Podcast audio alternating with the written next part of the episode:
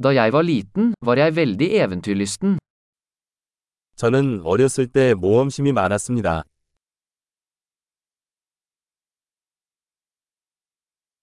Vennene mine og jeg pleide å hoppe over skolen og gå på videospillehallen.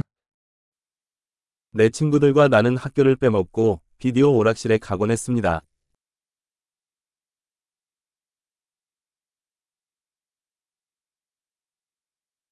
Følelsen av frihet jeg hadde da jeg tok førerkortet var uovertruffen. 운전면허증을 땄을 때 느꼈던 해방감은 비교할 수 없을 만큼 컸습니다.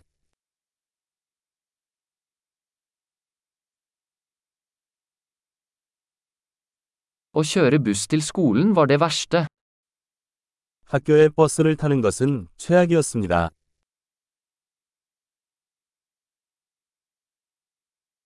Da jeg gikk på skolen, slo lærerne oss med linjaler. 제가 학교에 다닐 때 선생님들은 자로 우리를 때렸습니다.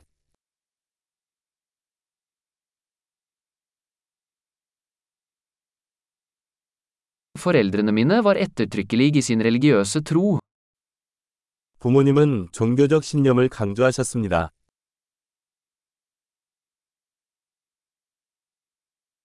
Familien min pleide å ha en årlig gjenforening.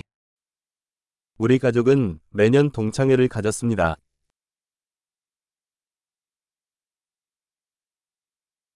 Vi pleide å fiske ved elva de fleste søndager. 우리는 일요일이면 강으로 낚시를 가곤 했습니다.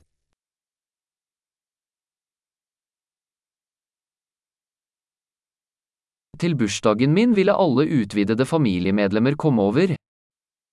내 생일에는 친척들이 모두 오곤 했어요.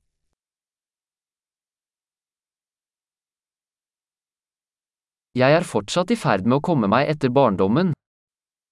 나는 아직도 어린 시절로부터 회복하고 있습니다.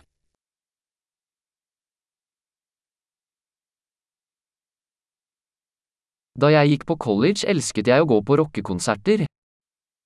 나는 대학에 다닐 때 록 콘서트에 가는 것을 좋아했습니다.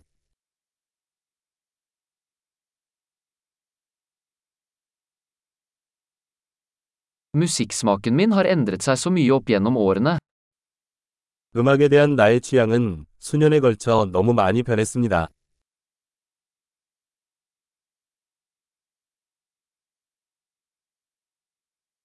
Jeg har reist til 15 forskjellige land. 저는 15개국을 여행했습니다.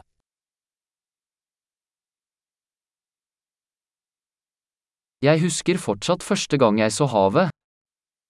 나는 바다를 처음 봤을 때를 아직도 기억한다.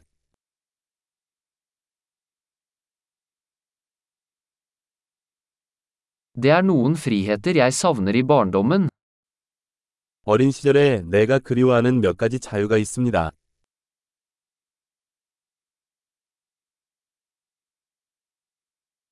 Stort sett elsker jeg å være voksen.